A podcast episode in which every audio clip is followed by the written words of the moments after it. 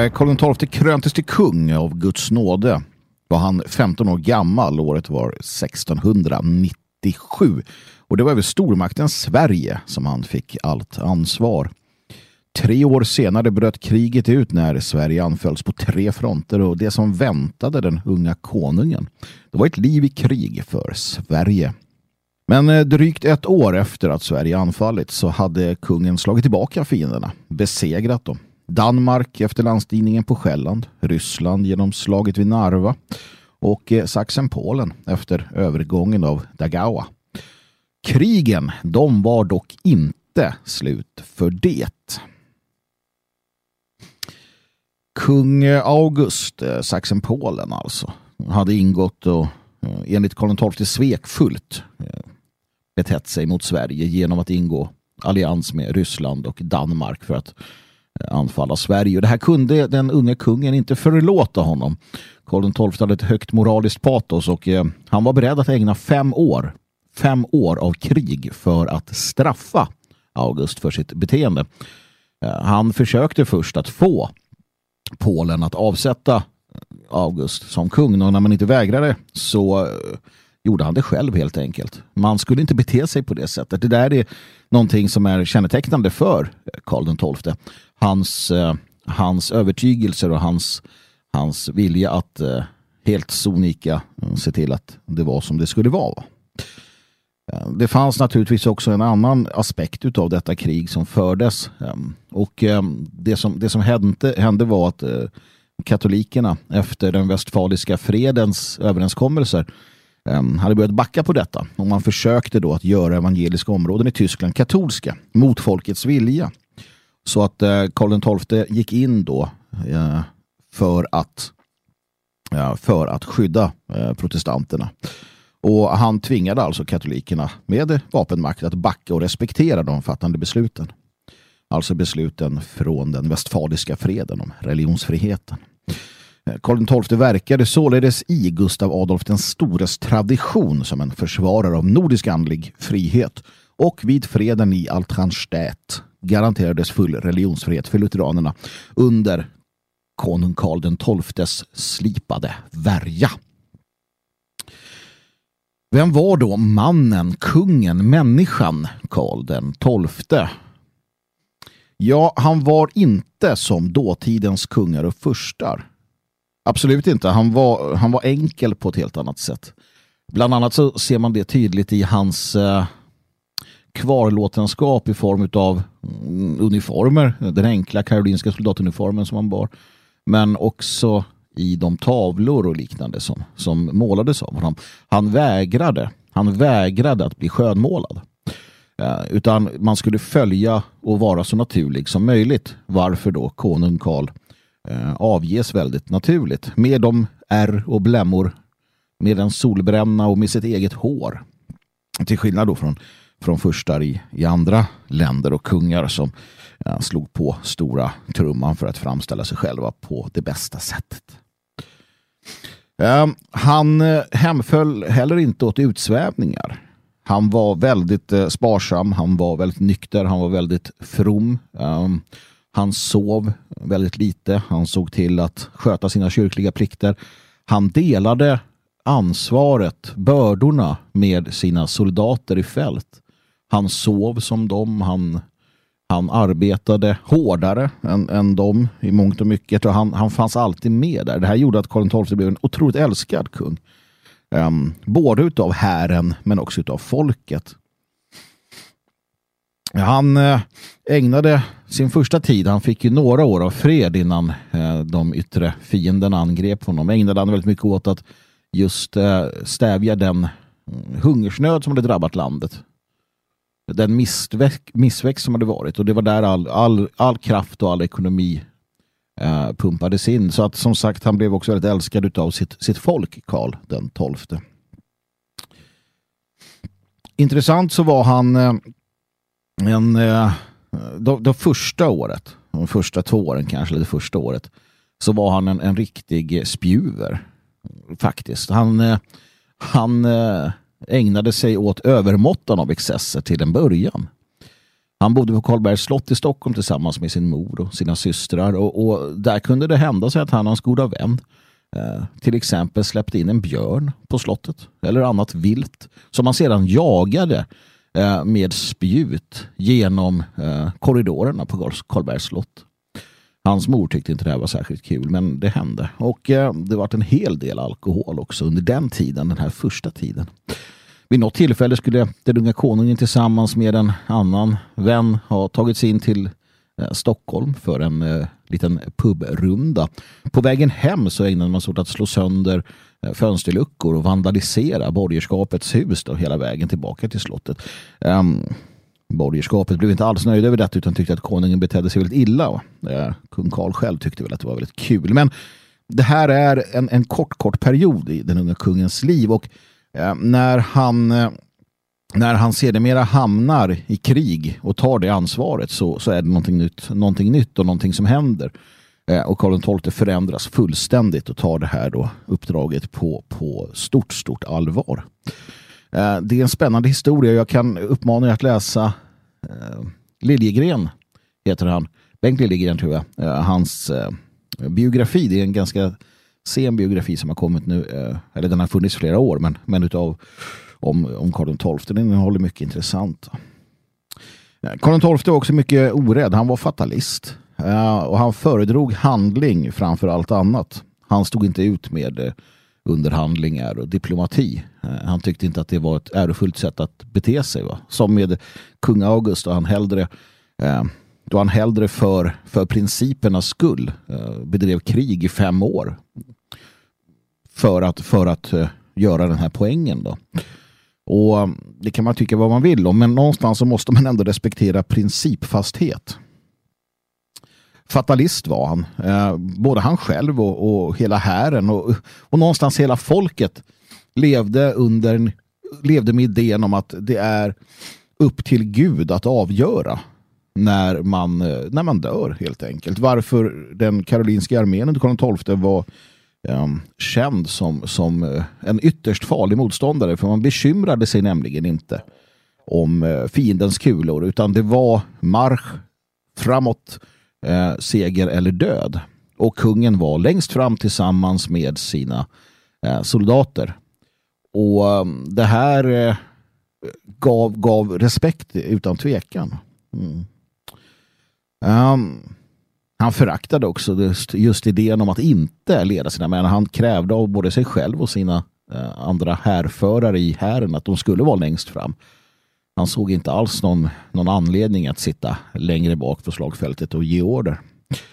Eh, och det här det här eh, gjorde ju naturligtvis att han blev en, en mycket, mycket om, om, om, uppskattad och älskad kung.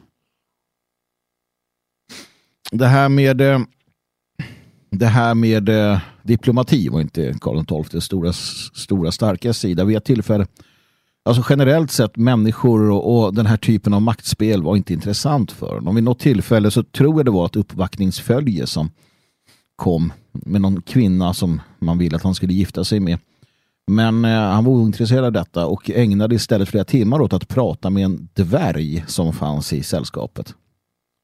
Eh, och resonerade om viktiga saker med den här dvärgen hans, eh, hans syster i Stockholm ska vi någon gång vid något tillfälle ha skrivit, eller vid flera tillfällen skrivit att Karl, du måste komma hem för att gifta dig. Men eh, Karl svarade att eh, så länge kriget pågår är jag gift med hären. För honom var det viktiga det han hade som uppdrag att, att beskydda Sverige och svenskarna och att eh, skapa de bästa förutsättningarna för, för det svenska riket.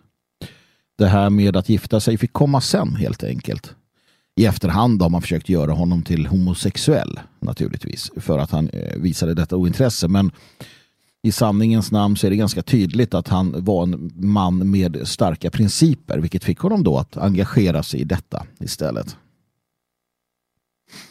Ja, Karl XII var heller inte en, en, en, kung som nödvändigtvis trodde att adeln var bäst skickad för någonting bara för att de var adelsmän. I hans värld så kunde en bondpojke var lika självskriven inom militären till exempel för med dug, sin duglighet som en adelsman. Han menade att det var inte alls eh, som, som det av hävd hade varit. Då. Att adeln på något sätt är privilegierad bara för att de är adel. Vilket är intressant. Det fanns alltså en, en stor folklighet hos Karl XII.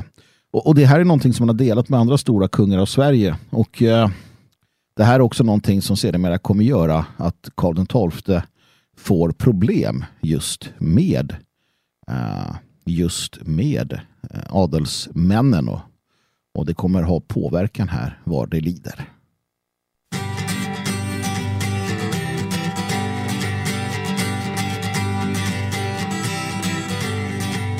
Lyssna till en saga om en kung som aldrig vek.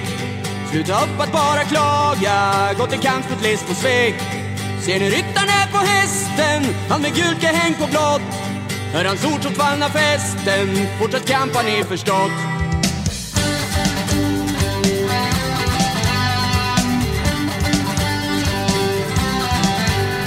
Mörka moln på himlen skockas, mörka krafter stormar an.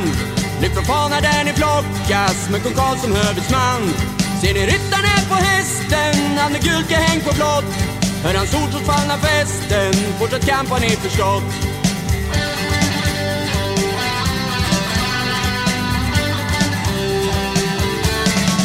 Och fortsatt kamp för gult häng på blått Och fortsatt kamp har ni förstått? Och fortsatt kamp för gult häng på blått Och fortsatt kamp har ni förstått?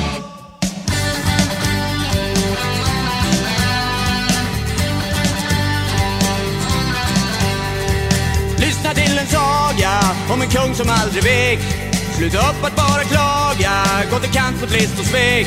Ser ni ryttaren är på hästen, han med gult häng på blått. Hör hans ord så fallna festen, fortsätt kamp har ni förstått.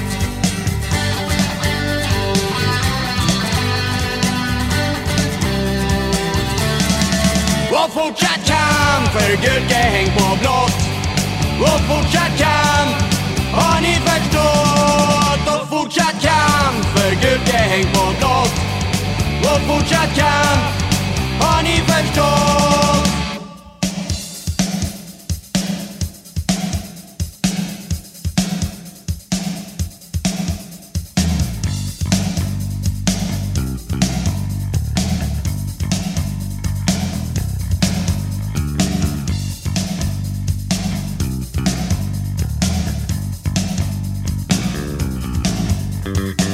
Ni på himlen skockas, mörka krafter stormar an. Lyft från fanan där ni flockas, med kung Karl som hövitsman Ser ni ryttaren är på hästen, han med gult gäng på blått. Hör hans ord trots fallna fästen, fortsatt kamp har ni förstått.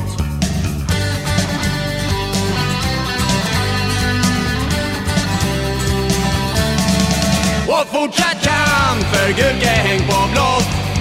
Och fortsatt kamp har ni förstått fortsatt kamp för gult häng på blått. Och fortsatt kamp har ni förstått?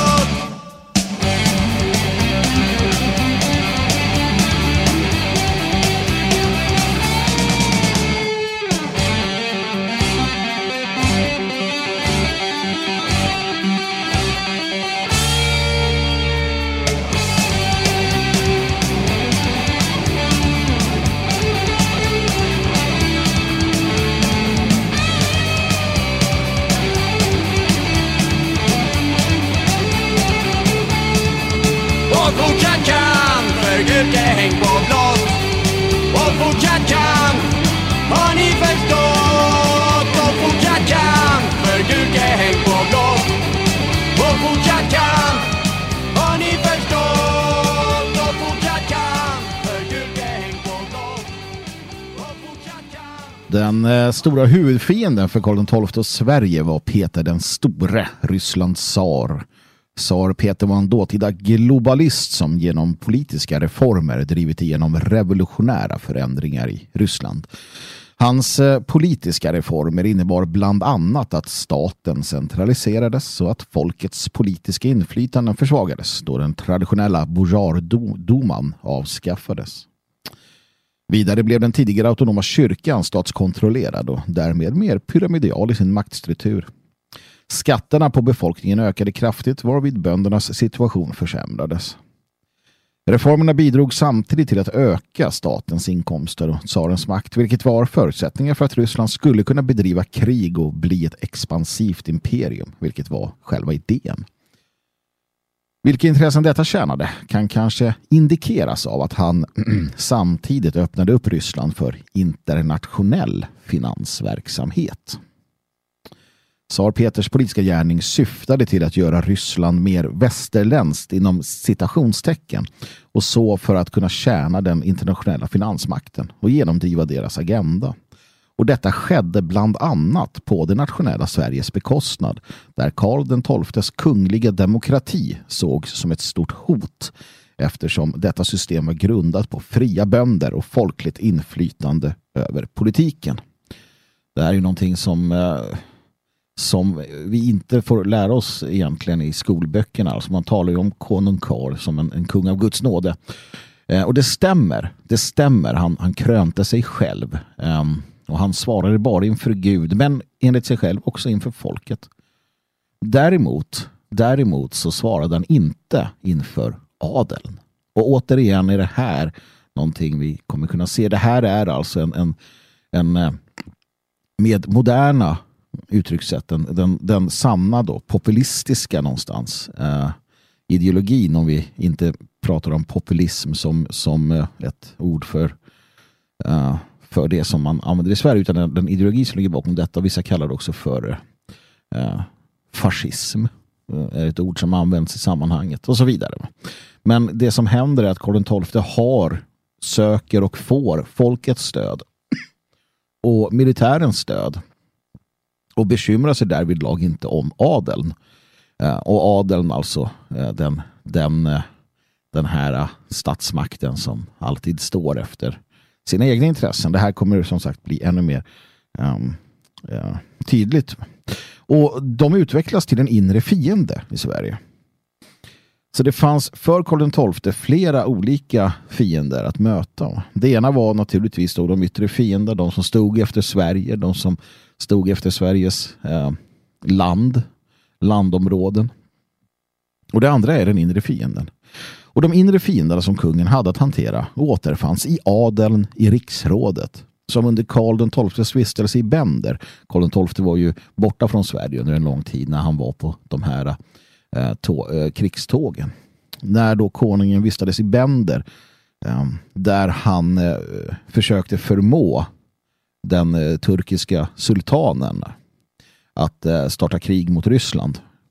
Och eh, Sverige lovade då att hjälpa, man, hjälpa dem mot Ryssland om då eh, de i sin tur hjälpte Sverige. Och det var själva idén. Eh, turkarna svek sedermera Sverige detta. Men under eh, den här eh, vistelsen i Bender som tog eh, flera år så underminerade och förhalades hans beslut i Sverige utav riksrådet, utav adeln. Och det här fick ytterst negativa följder för Sveriges politiska situation och det underminerade också folkets tilltro till Karl XII som regent. Och det här var någonting man kan se efterhand som gjordes medvetet. Adeln, riksrådet, kunde inte avsätta Karl XII. Det hade man velat. Man hade velat göra detta. Den djupa staten, om vi kallar den för det med moderna eh, vokabulär. Men konungens eh, enorma stöd hos befolkningen, hos de fria bönderna gjorde detta omöjligt samt att han hade då militärens eh, fulla stöd. Så att det man gjorde istället var att förhala, förändra eh, och inte utföra kungens order. Varpå detta stöd eh, sakta men säkert underminerades. För att Karl hade ett stort folkligt stöd med sin som sagt kungliga demokrati där den auktoritära ledaren styr med folkets stöd mot faktiskt eliterna, alltså adeln. Tack vare de omfattande sociala reformer som Karl XII genomdrev för folkets räkning. Detta sågs naturligtvis inte positivt utav adeln för reformerna skedde till del på deras bekostnad. Eh, Karl XIIs far, Karl XI, hade dessutom redan tidigare gått väldigt hårt åt adeln med reduktionen. Så att Karl XII hade då de här eh, interna och externa fienderna som motiverades av profit och såg Karl XII som ett stort hot. Och Det stora problemet för Karl XII var att han var helt oförstående inför ränksmideri och svekfullhet. Va? Det som hade drabbat honom via August bland annat. Och därmed så var han inte skickad helt enkelt att försvara sig mot detta. Han kunde inte förstå eh, det spel som pågick bakom kulisserna. Och det här är eh, en, stor, en, en stor hämsko för honom. Och det här leder också till de, eh, de olyckor som sedermera sker där, där han tvingas se hur eh, delar av riket bryts loss. Eh, hur, hur han helt enkelt tvingas retirera och se hur, hur Sverige så, så, att säga liksom om, omgärdas av fiender och samtidigt då inte får det stöd som skulle behövas. I vår tid har historiker gjort sitt bästa för att underminera hjältekonungen Karl XII. I vår tid alltså. Man försöker göra honom ansvarig för att Sverige försvann som stormakt. Det intressanta är att kungen själv var väldigt återhållsam med ord. Eh, han efterlämnar sig ingen större eh, nedtecknad eh, berättelse om hur han tänkte och hur han resonerade och vad han ville. Så att det lämnar ju öppet för gissningar och antaganden som kommer att väga tungt. Men faktum är någonstans att Sveriges stormaktstid antagligen var dömd från början. På grund av, av å ena sidan placeringen men också då folkmängden, den ekonomiska utvecklingen och, och militären. Det, det, går inte, hade inte gått att över tid, över tid, längre tid och upprätthålla eh, stormakts-Sverige. Eh, just också med tanke på de, eh, de, den fiendeskap som fanns och, och, och hade funnits länge med, med dansken, med eh, i det här fallet också då Polen, Sachsen och sedermera med Ryssland. Um, det, det, det, hade blivit övermäktigt alldeles oavsett och det kombinerat med just uh, den, den inre fienden, de profithungriga adelsmännen som inte kunde acceptera detta med mera hade nog i vart fall kunnat lett till detta och det verkar ju som att Karl XII sedermera mördas den 13 november utav en kula avfyrad från de egna leden. En hantlangare återigen till denna adel, denna frimureristiska adel. Precis som, ja, precis som att Gustav den tredje eh, sedermera där också blir eh, mördad eh, utav just frimurarna. Eh, det är inte någonting som är undligt utan tittar man på de olika intressena som finns och, och här är Karl den XII en, en kung för Sverige och svenskarna medan det finns en internationell idé, en internationell eh, makt som, som har helt andra idéer. Den eh, franska filosofen Voltaire gav ut en biografi över Karl XII och det gjorde han redan 13 år efter att kungen var död. Eh, och i den eh, så framträder bilden av kungen som en hjälte men också, men också som ansvarig för de olyckor som drabbar landet och Voltaire var antagligen inte medveten om hur eh, kungen hade motarbetats av riksråden bland annat och, och, och, allt detta som, som finns här i, i underströmmarna. Den svenska historikern, och det här är intressant, den svenska historikern Anders Fryxell eh, menade att Karl XII var direkt skadlig för Sverige. Och vem var då Anders Fryxell? Det är väldigt intressant att titta på för att han var en, en eh, eh, adelns man kan man säga. Och 1847 så ger riddarskapet och adeln historikern Anders Fryxell sin guldmedalj som erkännande för hans arbete för dem. Alltså en av de historiker som har verkligen sågat Karl XII är alltså en adelns man. Det här är väl värt att komma ihåg i sammanhanget. Väldigt intressant också. Eh, värt att läggas till naturligtvis att ni inte får några andra idéer om detta. Det var ju inte så att adeln i allt väsentligt och alltid och alla eh, var motståndare till Karl XII eller att de har varit inblandade i ränksmiderier, icke alls. Vi pratar om riksrådet i det här fallet vad det gäller Karl XII. Eh, och, och många goda adelsmän och adelssläkter kämpade för Sverige, för svenskarna, för den svenska konungen eh, under Karl XII och andra kungar. Så att, att, att eh, ingen, ingen skam ska vidlåda adeln som, som helhet, va? utan vi måste rikta in oss på de frimureristiska krafterna, de undergrävande, underminerande krafterna inom adeln och då bland annat i riksrådet under Karl XII. Det måste vi kunna se och göra skillnad på så att så att vi inte, så att vi inte eh, målar med för bred pensel där. En annan kritiker av Karl XII var liberalen F.F. Karlsson. Liberalen F.F. Karlsson som också då sågade konung Karl eh, som var eh, utan tvekan en stor hjälte. Och så såg det ut med det eftermälet. Men eh, vad det lider så kommer en annan bild av konung Karl att målas upp.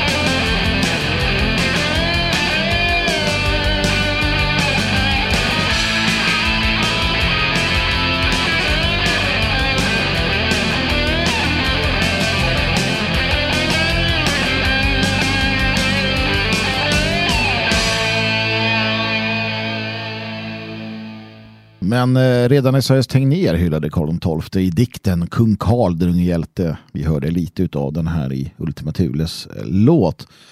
Men det är först i slutet på 1800-talet som Karl XII lyfts fram som såväl hjältekonung som statsman och strateg. Bland annat berättar Harald Järne och Frans G. Bengtsson om konungens liv och de böcker som, som finns eh, tillgängliga än idag. Mot denna syn ställer sig naturligtvis eh, vänsterns, eh, eh, vänsterns älskling August Strindberg som också är Verner von Heidenstams nemesis. Det är han som kulturvänstern ställer upp mot den folkliga högermannen Verner von Heidenstam som förlorar till sist den här, eller blir så pass knäckt av den här striden. Han var en av de stora 90-talisterna i den här svenska historieskrivningen och nationalromantiken kan man säga. Karl XII har alltid varit en självklar förebild för svenska nationalister. Dels som kung naturligtvis, som försvarare av Sverige, som en folkets kung, som en konung som eh, älskade sitt folk och som eh, blev älskad tillbaka av folket. Men också som människa. Eh, vi har alltid sett upp till honom som en människa med dygder, med ideal och med mod en, en man av folket, vald av folket eh, indirekt eh, och som, som tog detta på, all, på allvar. Eh, jag jämför honom lite grann med Fredrik den store, även om Fredrik den store själv inte var särskilt inte var särskilt imponerad av Karl XII. Men den här idén om att man, man som konung måste vara tjänare till folket genomsyrade de båda. Sen eh, kan man väl förvisso då tycka, eh, och det gör ju människor, att eh, till exempel kriget mot Polen de fem år som också gjorde att, att Sverige förlorade en del utav, äh, utav sina territorium i, i öster då, mot Ryssland var onödigt. Men återigen, man måste förstå att, att kung Karl var en, en man med principer och, och kung August var tvungen att straffas för sitt omoraliska Eh, och svekfulla agerande och det var kung Karls uppgift att göra detta. Som sagt, man kan tycka vad man vill om det men jag kan inte annat att, än att, att respektera den, den typen av människa. Idag den 13 november hyllar vi alltså Karl XII som folkets kung, som soldat, som man och som människa. Han är och förblir en förebild för det fria Sverige och för alla svenskar med heder och ära.